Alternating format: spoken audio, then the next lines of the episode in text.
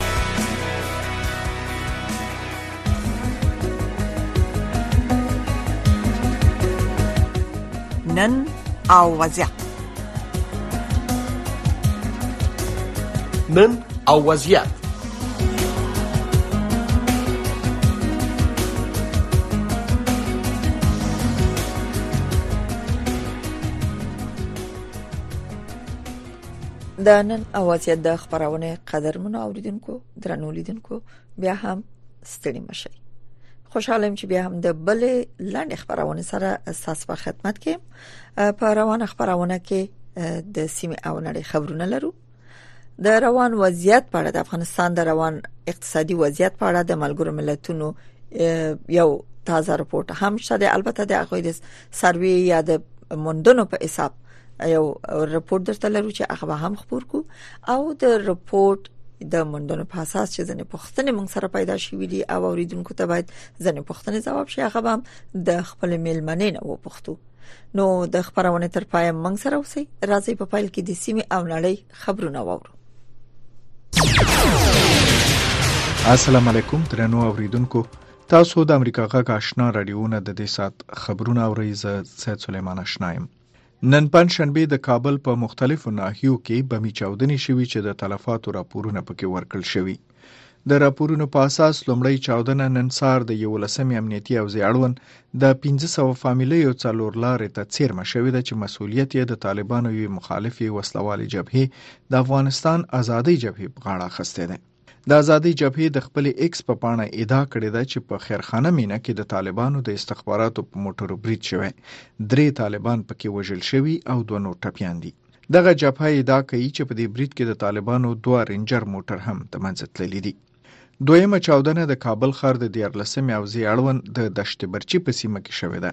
د دشت برچي د یو روغتون څخه یوې سرچینې ویلي چې د پیښې له سیمې د یوې نجلۍ په ګډون شپږ مړي او تر 15 زیات ټپیان ورته وروړل شوي دي طالبانو تر اوسه د دغو پیښو په اړه څه نه دی ویلي او نه هم کومې ډلې د دشت برچي د نننۍ چاودنې مسولیت اخیستی دی د افغانستان پاکستان او هند په یو شمېر سیمو کې زلزله شوې ده نن ماسپخین یوه بجه او 50 دقیقې د نورو ولایتونو ترڅنګ کابل هم یوې شدیدې زلزلې ولړزو. د کابل پولیسو ویلي چې د لومړنیو معلوماتو د مخې د کابل مربوطه حوزو او ناحیو کې هیڅ کم زیان چاته نه دی پیښ شوی. په بدخشان کې هم زلزله شوې چې په نورو شرقي او مرکزي ساحو کې محسوس شوې ده. د جرمني د ځمکپوهنې ادارې ویلي دي چې د ریاکتر په کچه د زلزلې شدت شپږ اشاریه څلور و. د آسیا او آرام سمندر دپاره د ملګرو ملتونو د پرمختیایي پروګرام د سیمهییزه دفتر سلاکاره میرمن کانی ویګنراجا ویلي چې په افغانستان کې خلک د ډیرو سختو شرایطو لاندې ژوند کوي او په تیرو څه باندې دوو کلونو کې وضعیت ډیر خراب شوی دی میرمن وګنراجا په ملګرو ملتونو کې د جرمني د ټولنې غړو سره په کتنه کې ویلي چې د افغانانو او په ځانګړي ډول د ښځو وضعیت د 2021 کال د اګست د میاشتې وروسته د پام وړ خراب شوی دی چې ښځې د زده کړو کار په برخو کې د سختو محدودیتونو سره مخ دي. میرمن ویګنراجا ویلي افغانان د ډیرو ستونزو سره لاس او ګریوان دي په افغانستان کې نږدې 15 فیصد خلک په ورځ کې د یو ډالر څخه په کمو پیسو ژوند تیری او اټکل کیږي چې یوازې د ښځو د حقونو په برخه کې محدودیتونو د شپږ سوه څخه تر یو میلیارد ډالرو پورې اقتصاد زیانمن کړی اوسي. بلخوا یوناما د افغانستان د حاکمو چارواکو لخوا د اسلامي حجاب د اصولو د نه مراعتولو د ادعا پر بنسټ د ښځو او نجونو د خپلسرو نیولو او توقیف په وروستیو پیښو ژوره اندېښنه څرګنده کړې ده. د دې خبر نور تفصیل د نوشابې اشنا نه اورئ. په کابل کې د ملګرو ملتونو سیاسي نمائندګۍ یا یونما نن د پنځشنبه په ورځ په یو اعلامیه کې ویلي د جنوري له لومړۍ نیټې راهیسې په کابل او دایکندي ولایتونو کې په کابل او دایکندي ولایتونو کې یونما د حجاب د فرمان د پلي کولو یو لړ کمپاینونه مستند کړي دي چې د حاکمو چارواکو د امر بالمعروف او نهي عن المنکر وزارت او پولیسو لخوا تر سره شوې دي یوناما ویلي په کابل کې په لویه کچه خزو او جنونو ته اخترونه ورکړل شوی او توقيف شوی دي چې ورته اقدام په دایکوندي کې هم شوی یوناما همدارنګه د ناسم چلند او له خبرېدو پرته نیونو پلټنه کوي او دا چې د اجرایي عملیاتو له اړخه د مذهبي او توکمیزو اقالیتونو ټولنې په غیر متناسب ډول اغیزمن شوې دي د ملګرو ملتونو د سرمنشي ځانګړي اساس او په افغانستان کې د ملګرو ملتونو د مرستندوی پلاوی یا یونما مشر روزا اوتنبای وویل چې په پلي کېدونکو اقداماتو کې فزیکی تاوتریخوالی په خاص ډول د خزو او جنو لپاره سپکونکي او خطرناک دي او افغانستان د راشد خان پرته د هند سره د درېوو شل اوریزو سیالیو لړۍ پیلوي. نن پنج شنبه د هند په موهالي کې د افغانستان او هند د کرکټ د ملي لوبډلو ترمنځ د درېوو شل اوریزو نړیوالو سیالیو لړۍ پیلېږي. دا اول ځل دی چې دواړه هېوادونه په خپلو کې د شل اوریزو لوبو دا ډول سیالۍ کوي. تاسو د افغانستان، سیمې او نړۍ خبرونه اورئ. د پاکستان د لنډمهاله حکومت صدراعظم انوارالحق کاکړ وی د وسلوالو نه ویریږي که وسلوال لس حملې کوي زر ځله به یې جواب ورکړي د کاکړ په وینا وسلوال بوزدل او بی غیرته دي په پټه حملې کوي او که په دوی کې غیرتي مخامخ دی راشي جګړه دی وکړي د پاکستان دغه موقتی صدراعظم نن پنځشنبه په پیښور کې د پولیسو یوې غونډې ته وویل د ترګرۍ ضد جګړه ګټل شوې ده یوازې د دې ګټې اعلان پاتې دی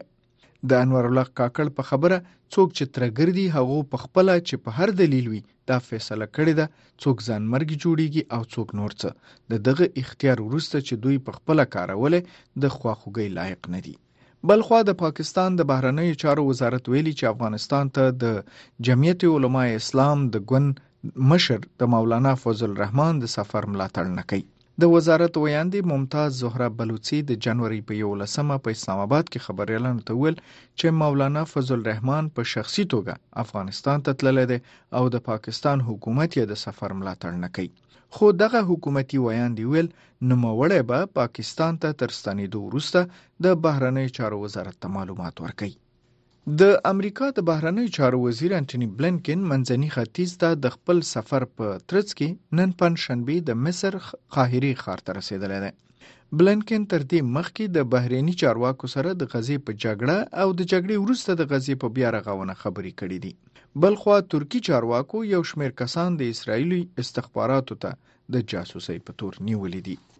او د اسوشیټډ پریس خبري اژانس خبر ورکړی چې تیر شپه د غزې تړانګې په جنوبي څنډه یعنی خان یونس کې په یو هوایی حمله کې څو ماشومان وژل شوې دي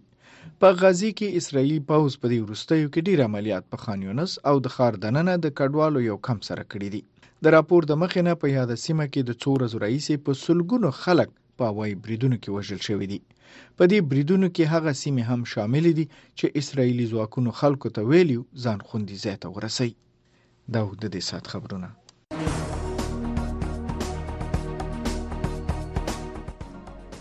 نن او وضعیت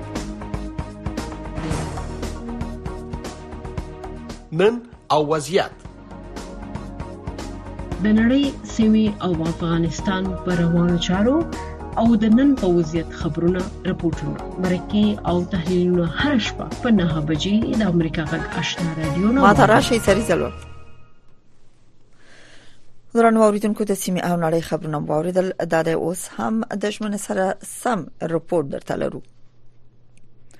ملګری ملتونه وایي په افغانستان کې نږدې 15 اتیا سلنه خلک په ورځ کې د 1 ډالر نه په کم پیسو ژوند تیری اټکل کیږي چې اواز د خزو د حقونو په برخه کې محدودیتونو افغانستان ته د شپږ سوونه تر 1 میلیارډ ډالر پورې اقتصادي زیان اړولې دی ملګر ملتونه د غراز وایي چې اوس مهال له هر دریو افغانانو نه یو په دې نه پوهیږي چې بل ځل خواړه به لکه مزایه تر لاسه کی په دې اړه په موقع زموږ د همکار رپورت ده ملګری ملتونه وایي چې په افغانستان کې خلک تر ډیرو سختو شرایطو لاندې ژوند کوي او په تیرو څه باندې دوو کلونو کې وضعیت لا خراب شوی دی د اسیا او پاسفیک لپاره د ملګرو ملتونو د انکشاف د پروګرام د سیمایي دفتر سلاکاره کاني وګناراج وایي چې د افغانانو وضعیت د 2023م کال د اگست میاشتې وروسته د پام وړ ډول خراب شوی دی مېرمن ویګناراجا زیاته کړې چې په افغانستان کې نږدې پنځه اتیا سلنه خلک په ورځ کې د یو ډالر څخه په کمو پیسو ژوند تېروي. اټکل کېږي چې یوازې د ښځو د حقونو په برخه کې محدودیتونو د شپږ سوه څخه تر یو میلیارد ډالرو پورې اقتصادي زیان لرلی دی. په ورته وخت کې د ملګرو ملتونو د عمومي منشي ویاند سټيفن دوجارک وايي د خوړو د نړیوال پروګرام یا دبليو اف پی د ارزغونو لمخې اوس مهال له هر دریو افغانانو یوې په دې نه پوهیږي چې بل ځل خواړه به له کوم ځای ترلاسه کړي اوس د پراخې بودیجې د یو کال کمبود وروسته د خوړو نړیوال پروګرام یوازې کولای شي د ډیرو ناهیلي شویو کورنیو سره مرسته وکړي ترڅو په ژمي کې د خوړو د استعمال په برخه کې د جیره بندۍ له لارې لږ تر لږه ژوندي پاتې شي. د خوړو نړیوال پروګرام د پنځلس اعشاریه دوه میلیونو سړو، ښځو او ماشومانو لپاره د خوړو او معیشتي ملاتړ د برابرېدو لپاره په بیړني ډول شپږ سوه اویا میلیونو ډالرو ته اړتیا لري. ملګري ملتونه وایي د افغانستان واقعي کورنۍ ناخالص تولید د 2020 کال راهیسې تر اوسه 29 سلنه کم شوی دی او لا یې هم ښکته تګ دوام لري. خلکو کاري فرصتونه له لاسه ورکړي دي او د روزمره مصارفو د پوره کولو هغه ظرفیت نه لري. د دې مشکل دوه عمده بردونه دي، یو یې د وخت ادارې له طرفه خلکو ته بنسټیز یا دوامدار اشتغال د اشتغال سازي د پروژو نه تطبیق دی دویم د نړیوالو ادارو غیر موثر نوښتونه دي چې د بشري مرستو په نوم په لار اچول شوي دي بلخوا د ملګرو ملتونو د خوړو نړیوال پروګرام یا دبليو اف پی وایي چې په افغانستان کې پر روان ژمي کې کورنۍ د یو سخت انتخاب سره مخ دي چې خپل خوني ګرمي کړي او که خپل ماشومان ته خواړه برابر کړي دغه اداره وایي په افغانستان کې د ناسم اقتصادي وضعیت له امله به سږکال ډیری کورنۍ د تریخ ژمي سره مخ شي در حال حاضر از هر سه افغان یک نفر نمیداند که غذای بعدی را از کجا تمویل کند در حالی که با زمستان سخت مواجه هستند خانواده ها در سراسر کشور مجبور هستند که میان غذا خوردن و گرم ماندن باید یکی را انتخاب کنند در هر ولایت افغانستان افرادی هستند که بحران یا سطح بدتر ناامنی غذایی را تجربه می کنند. د خوړو نړیوال پروګرام ویلي چې د اقتصادي ستونزو لامل ډیرو کورنیو د ژوندۍ پاتې کېدو د هڅو په لړ کې لوړاندې د خپل کورنیو د اړتیا وړ توکي پلورلې دي دا پروګرام وایي چې د افغانستان بازارونو کې د خوراکي توکو کمی نشته خو خلک یې نشي اخیستلای د ملګرو ملتونو د بشري مرستو د همغږي دفتر یا اوچا ویلي چې په افغانستان کې اوس مهال 23.1 میلیونه افغانان بشري مرستو ته اړتیا لري وحید فیضی د امریکا غاک واشنگټن درنو اوریدونکو مننه چې تر دې شیبې ملتیا وکړه د سیمې او نړۍ خبرونه واوریدل او پسې رپورت هم تاسو واورید اوس به د رپورت د موضوع په اساس او البته د ملګرو ملتونو د راپور په حساب چې هغه ویلي نږدې 15 اتیا فیصد افغانان ورځ کې د یو ډالر نه په کمو پیسو باندې ژوند تیری البته په دې لړ کې د اسیا او پاسفیک لپاره د ملګرو ملتونو د انکشافي پروګرام د سیمایز دفتر صلاحکار میرمن کانی وګنراجا ویلي چې ملګرو ملتونو انکشافي پروګرام د افغانستان د نیوي اقتصادي وضعیت سره د سمون لپاره چمتو کیږي او د شتو پروګرامونو په دوام د آبادی په نوم د سیمایز پراختیا هڅه پروګرام پایلې چې په دې پروګرام کې البته خزو ته هم ځنې پروګرامونه سپارل کیږي چې هغه مدیریت کې کارو کې او اقتصادي اقتصاد له هڅ باندې پیاوړی شي نو هم دې بحث لپاره چې څومره امکان لري د امرسه به څومره خزو ته رسیدي څوک به رسي پر ځال کې چې خزه په ماسو کې د کارونو نه هم منشي وي دي او د خزو په کارونو هم محدودیت لګیدل دي دغه مرستې څومره پایدار اقتصادي ثبات رامنځته کولای شي او څومره د ژوند په نورو چارو کې د افغانانو خصوصا د خځو سره چې وضعیت یو ورځ تر بلې د دوی د وینا لپاره د شکایت او د یعنی وضعیت ور سره بل خرابېږي دا ور سره څومره سکول شي د دې بحث لپاره چې ځنه پښتنه به زمون قدر منه خور جوابي روبینه همدرد مدني فعال را سره ده چې د خزو د حقونو مدافع هم ده روبینه جان ستړي مشه خبرونه ته خبرونه تاسو ته او ټول قدرمنو اوریدونکو ته کور ودان چې په خبرونه کې را سره استي ملګری ملتونه غواړي چې د آبادی په نوم د سیمایي پرمختیا هڅه پروګرام پلی کړي چې البته په دې کې د خزو د مالکیت لاندې کارونو د کارونو رامنځته کول اساسي ټولنیز خدماتونه د بیا استفادې وړ انرژي او د طبيعي پیښو د ګواښ د مدیریت اړوند پروګرامونه باندې په دې کې تمرکز کیږي تر کوم ځای چې دغه د خزو د مالکیت لاندې کارونه دغه کټګوري کول چې خزه باید کم کارونه وکړي او د هغه مالکیت به په کم کارونه په تیرو کې هم دغه تجربه وا په تیرو شلو کلونو کې روبینه جانې چې موقتی پروژې موقتی کارونه د خزو د اقتصادي پیاوړتیا لپاره شوي وو اما د مؤسسو د فلجیدو په افغانستان کې د مرستو د کمیدو د طالبانو د راتګ سره هر څه بیرته صفر ته لاړ اوس چې بیا دا تجربه تکراریږي څه فکر کوي دا د خزو سره خصوصا په اقتصادي برخه کې څومره څه کول شي ډیره زیاته مننه اول خو د دغه راپور په اساس کله چې دا خبر شو تمه مودا و د ملګرو ملتونو د سازمان نه چې دوی ورسره ډیره اساسي او بنیادی حل لارې یا کړنلارې پیشنهاد کړې وای دولت ته خلکو ته متاسفانه دوی ډیره هغه هغه کړنلارې ورسره پیشنهاد کړې چې هغه بیا موقت دي او ډیره باغې زمنې نه او بل دا چې د طالبانو د اوسنیو دغه اصول سره چې دی وضع کړی دی دغه محدودیتونه چې وضع کړی دی د سره په ټکر کې دي تاسو ګورئ اوس هم خځې کولای شي چې کار وکړي نهادونه شته خو دوی نهادونه ټول تاسو مستند احکام او فرامین موجود دي چې دوی باندې کړی دی محدودیتونه پر وضع کړی دي چې خځې نشي کولای د یو ادارې پراس کې وسی خځې نشي کولای کار وکړي په ډیرو کمو ولایتونو کې په ډیرو کمو صحي پروژو کې یو څو محدود خځې د کور نه کار کوي او کوچی می تم کله یو سروي ته چې د محرم سره غم په ډیرو کمو ولایتونو کې نو وضعیت چې دا رقم خځې څنګه کولای شي چې خدمات وړاندې کړي څومره ملل متحد د طالبانو سره په همغږي کې دغه دغه کړنلارې یا دغه پروژې وسپست تاکي یا پیشنهادي یا پلاس نیسي دا ټول هغه پوښتنې دي چې تر اوسه موږ ته ځواب نه دي ځکه چې د طالبانو قیودات ته چې موږ ګورو د طالبانو سختو محدودیتونو ته چې موږ ګورو خو د نشي کولای چې د کور نه راوځي او فعالیتونه تر سره کړي دا اوس تاسو وینئ چې خزه په سودا پسې په ډاکټر پسې یو یو بل د باندې یو ضرورت لپاره په بازار کې هغوی نیول کیږي او بندیان کیږي چې په دومره وختونو تاریخ د افغانستان کې خځه سره داس چلند نه شوی ولو کو سیاسي را بین بیل یو احترام وړ بوا مګر نن د خځه دغه وضعیت ته په کتو ملګر ملتونو سازمان څومره څومره منګه ول یعنی بله روبینه جان تاسو خو په ملګر ملتونو کې د خځو په برخه کې د خځو څنګه کې کارم کړی دی د هغوی په پالیسي هم بلد استي څه فکر کوي ملګر ملتونه ویل دي چې دا وس چې کوم مرسته دوی کوي دا به خزه توانمند کی او د خزو د توانمندۍ د ملاتړ په معنا ده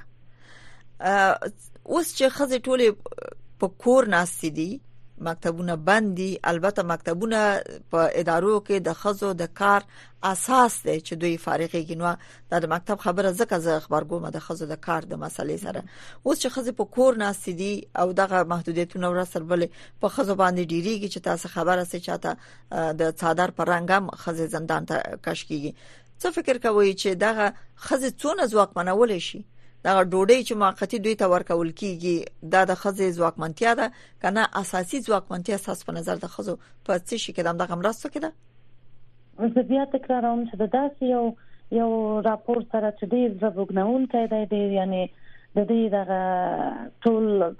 دغه راپور کې چې سره غلي دي دا دومره زیات د تشویش ور دي د سره دغه حل لارې اصلا د حل لارې نه دي دا یو خاور شندل دي زمونږ خلکو او مونږ ته چې دوی یعنی وګورئ تاسو وضعیت ته مګر د دوی حل لارې چې دوی پیشنهاد یې کله چې مونږ په یو ان وومن کې کار کاوه هلته موږ هغه خځو سره کار کاوه چې هغه سواد درلود هغه کولای شو یو یو درخواست مونږ ته راولېږي موږ هغه ته یو فند ورکاوه لږ پرتو سیمو کې او هغه به بیا ماغل ته خځو ته میرمنو ته کار کاوه موږ به نظارت کول کله چې تاسو خبره یو خزه هغه اساسي چې تعلیم دی هغه ته لاسرسي ونه لري هغه پروژه څنګه تطبیق کړه فعالیت څنګه تطبیق کړه نور ته کورنۍ ته ځان ته څنګه خدمت یا یا داغه جوګه کې کېدلای شي بل بل او بل دا بل دا چې څوک د دغه مؤسسات خو کومک کوي عملګری ملتونه کومک کوي اما د دوی شفافیت څوک تضمینې په کلو باندو کې خزه چې ماغه سه محتاج وي بیا هم ماغه سه محتاج پات شي دي ځکه چې اکثره نالوست دي کلیواله خزه خو په دغه تیر شلو کلونو کې هدا اقل دا یو څه شوی و چې دوی لاسي ګندل کوي مربافي کوله جامې ګندلې افغاني جامې ګندلې یو څه برابرول چې تر بازار لار پیدا کړي د دوی دغه هنر د دوی د فعالیت او د دوی دغه مهارت چې د دوی زده ده د عین تر نړیوالو بازارونو پورې ورسېدل اوس هم خزه په دې برخه کې کار کوي خو دوی هم دا چې طالبانو له خوانه نه حمایه کیږي او څه شکایتونه شته چې ملاتړ نه کیږي اما چې کار دوی وی چې په نشټ کې حساب دی مګر اوس چې ملګری ملتونه وایي چې په دغه برخه کې د خزبه بیا هم په اقتصادي لحاظ یو څه پیوړی کیږي او دغه دغه برخو کې چې مخکې مشاره وکړه مرسته ورسره کیږي او سره کیږي د دې د شفافیت تضمین څوک کوي دا مرسته به څوک تر محتاج خزو پورې رسي خزه په راس کې نشته دی څه فکر کوئ اصلا شفافیت تضمین نشته کله چې خغه امغګینی کله چې شفافیت دا غځای نه را پیدا کیږي چې امغګي خلک وتوانیږي چې خپل غږ پورته کړي خلک وتوانیږي چې خپل نظر شریک خلک وتوانیږي چې آزاد فضا کې کار وکړ نو چې دومره قیدات بیا شفافیت د کومه راشي او نظارت څنګه وشي په چا باندې تطبیق شي دا پروژه وخت چې طالبان په ولایاتو کې په کابل کې اجازه نه ورکړي چې څلور خځې یو ځای کې سره راټول شي نو هغه څنګه کولای شي چې یو پروژه سره تطبیق کړي خدمات څنګه وړاندې شي دوی ته سروي څنګه وشي کار څنګه وشي او په دې تیر شل کلونو کې تاسو ولیدل چې د کالو ګندلو نه ورواخوا خزه ډیر لوی فعالیتونه لرل خصوصي سکتور کې دوی ډیر فعال شوي وي اته زیورات جوړول اما کمپیوټر کورسونه دوی فعال ساتلی وو دوی غټ غټ پروژې تطبیقولې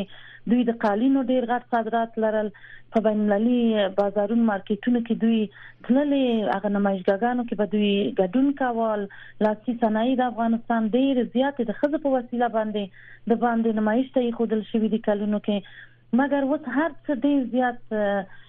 یعنی ډیر مشکلات سره باوجود دي چې سوداګریز خزه ته طالبان نو لکه په خله وایي چې محدودیت نشته مګر وخت چاري به سره خبرې کوي دوی ډیر مشکلات سره مخ دي په خو دغه سمال بزنسونه یا واړه تجارتونه چې هغه اول دغه یو ان مومن او نور نهادونو سپورټ کول لګ فن به ورکړ خو به خپل تجارت په خو ودا و تمارق به کړل مثلا نور دغه فارمونه زراعتي جوړ کړي وو چې کې دوه کې د خزو ډیر زیات کارونه مخکې ورل چې اوس متاسفانه تقریبا شوی دي دا د ملګرو ملتونو د انکشافي پروګرام په دغه رپورت کې یو موضوع ته چې بلم اشاره شوې ده هغه دا ویل شوې دي پکې چې د افغانستان وضعیت د خزو په اړه کې ډیر خراب ښکاري او باید د افغان خزو غک د دوی د پیاوړتیا لپاره توانمندۍ لپاره باید بدرګه شي او افغان خزه باید هیر نشي نړیواله ټولنه په دغه وخت کې اوس چې د نیم کال تقریبا تیر شو د افغان خزه په خلا کې مختش نشو د د نړیوال ټولنې په خلا کې مختش نشو په اصطلاح اما مګم طالب تر اوسه پورې غوښ نه دی ګرولې دا غوي په غوښتنو نو څه ډول مرسته کولای شي چې دغه وضعیت بدل شي آیا امکان ګوري وضعیت به څنګه بدل شي اول خپل ملګری ملتونو سازمان کله چې وایي چې د افغان خځو غږ د عدالت غوښتنې په برخه کې باید بدرک شي دوی خپل څومره دا غږ موږ سره به حمایت کړی دی د مثال په توګه افغان خځو همیشه د غورستیو کې غږ پورته کړی چې مدرسې د یعنی د حل لار نه ده باید مکتبونو ته جنونو لاسرسي ولري او دینی علوم هر وخت افغانستان په مکتبونو کې شامل یو لوی برخه و مګر دوی خلاف موږ د غږ دوی بل غږ پورته کوي او مدرسې حمایت کوي همدغه رقم نور بین المللي ټولنه چې دا غږ د افغان خود سره هیڅ کله همغږي مخکې نه ځي افغان خزي دغه وز د هر څه نه د مخه د هر څه نه ضروری د خزو لاسرسي تعلیم ته ضرور بولی مګر هیڅ په دې په دې برخه کې زموږ سره منګه حمایت نه کړو زموږ غاګه حمایت نشو کومه لاسته راوړنه په دې برخه کې متاسفانه نشته او دا ډیره زیاته موږ ته د تشویش وړ ده بله څه کېدای شي په څه ډول باندې هغه اساسي مرسته چې اوس د افغان خزو درد دوا کول شي تاسو جریان کې استئ چې هر ورځ د لوګي د فقر د په دې سخت ژمي کې د سرپنا د نه امکاناتو حتی د پاکو اوبو د نشټون یعنی رنگارنګ خبرونه د افغانستان نه د خلکو د فقر او د لوګي په اړه راځي په دغه زماني مقطع کې څه باید وشي چې د افغان خزو لاسنیوي وشي چې ورته ما سره تمام شي دا غوي درد دواشي د ټولو محدودیتونو سره په کتو چې په افغان خزو اوس لګیدل دي ځکه نړیواله ټولنه کڅ مرسته کوي اما د کلو باندونه بیرته خپل خزي پویږي چې باید څه وکي دوی با خبره دي د اړتیا وړ مواد د اړتیا د اړمنې کورنۍ ټول یعنی داخل کې افغانستان ته خلکو ته معلوم دي نو څه باید وشي چې دغه مرسته ما سره واقع شي ترڅو د افغان خزو او احتیاجو خزو هغه اقتصادي وضعیت حد اقل بدل کړي شي دا ډیره واضح ده هغه محدودیتونه چې دوی وضع کړی دی او هغه د دغه وضعیت سبب شوی دی هغه باید هغه محدودیتونه باید لري شي حد اقل کم شي حد اقل کنټرول شي تاسو وګورئ مخکې د دې نه چې تاسو پوښتنې ته ځواب ورکړم زه غواړم ملګر ملتونه او نورو هغه بینالمللي ټولنې نهادونو ته چې د افغانانو په وضعیت باندې راپورونه جوړوي تحقیق کوي وایم چې تر اوسه خو لا وخت دی یعنی دوه درې کال تیر شوی زه فکر کوي د 15 کال وروسته به دغه وضعیت سره کمی کم دغه محدودیتونو سره مخ کلار شو نو حل لار دا ده ټول ته معلومه ده چې په لومړي قدم کې باید نجونې مکتب او تعلیم ته لاسرسی پیدا کړي دویمه درجه باید خزه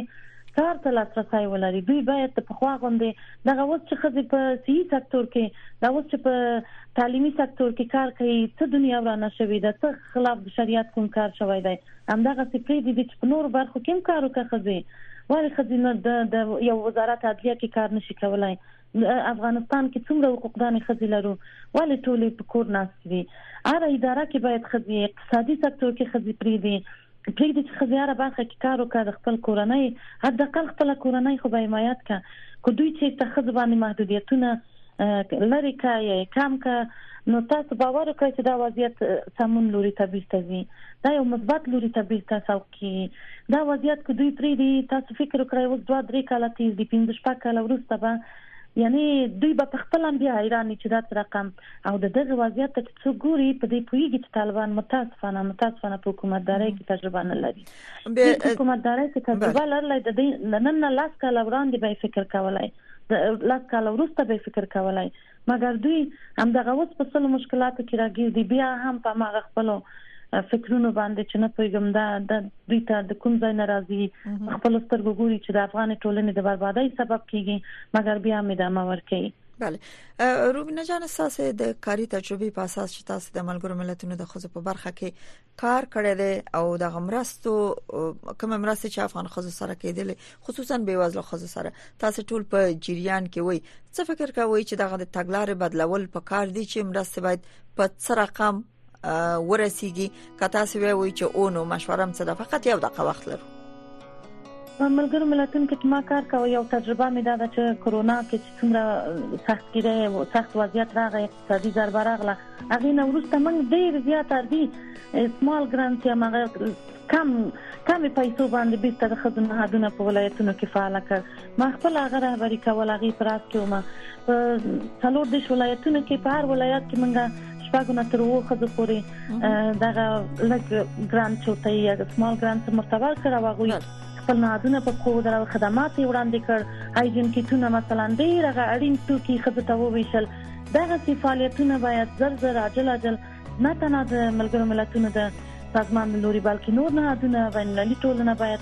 لاس په کار شي خو ګرچې ګرچې دغه کړنې دغه فعالیتونه بیا هم موقت دي دا بنیادی نه دي بنیادی کړنې به دای چې د خوا کوم د خځې خپل کار او تعلیم ته لاسرسي ولري د خځو د حقونو فعال روبینه همدار ډیره مننه چې په روانه خبرونه کې برخه واخیسته کور مو ده درنو اوریدونکو قدرمن لیدونکو ساستم پر ودانې چې تر دې شویم د امریکا غږ آشنا راډیو خبرونه ولیدي او واوري د نن وضعیت خبرونه په همدې ځای پای ته رسیدي خو له یاده مو باسي چې په څولانو شی وو کې تاسو غږ یا صداي شما خبرونه زموږ د قدرمن همکارانو په قربتو پیلېږي بیا هم فکر وکړئ چې د کومې نوې او خې موضوع چې تاسو د کور کلی او سیمه پورې اړه لري او ورځنی ژوند پورې ماړه لري هغه په خبرونه کې مطرح کړئ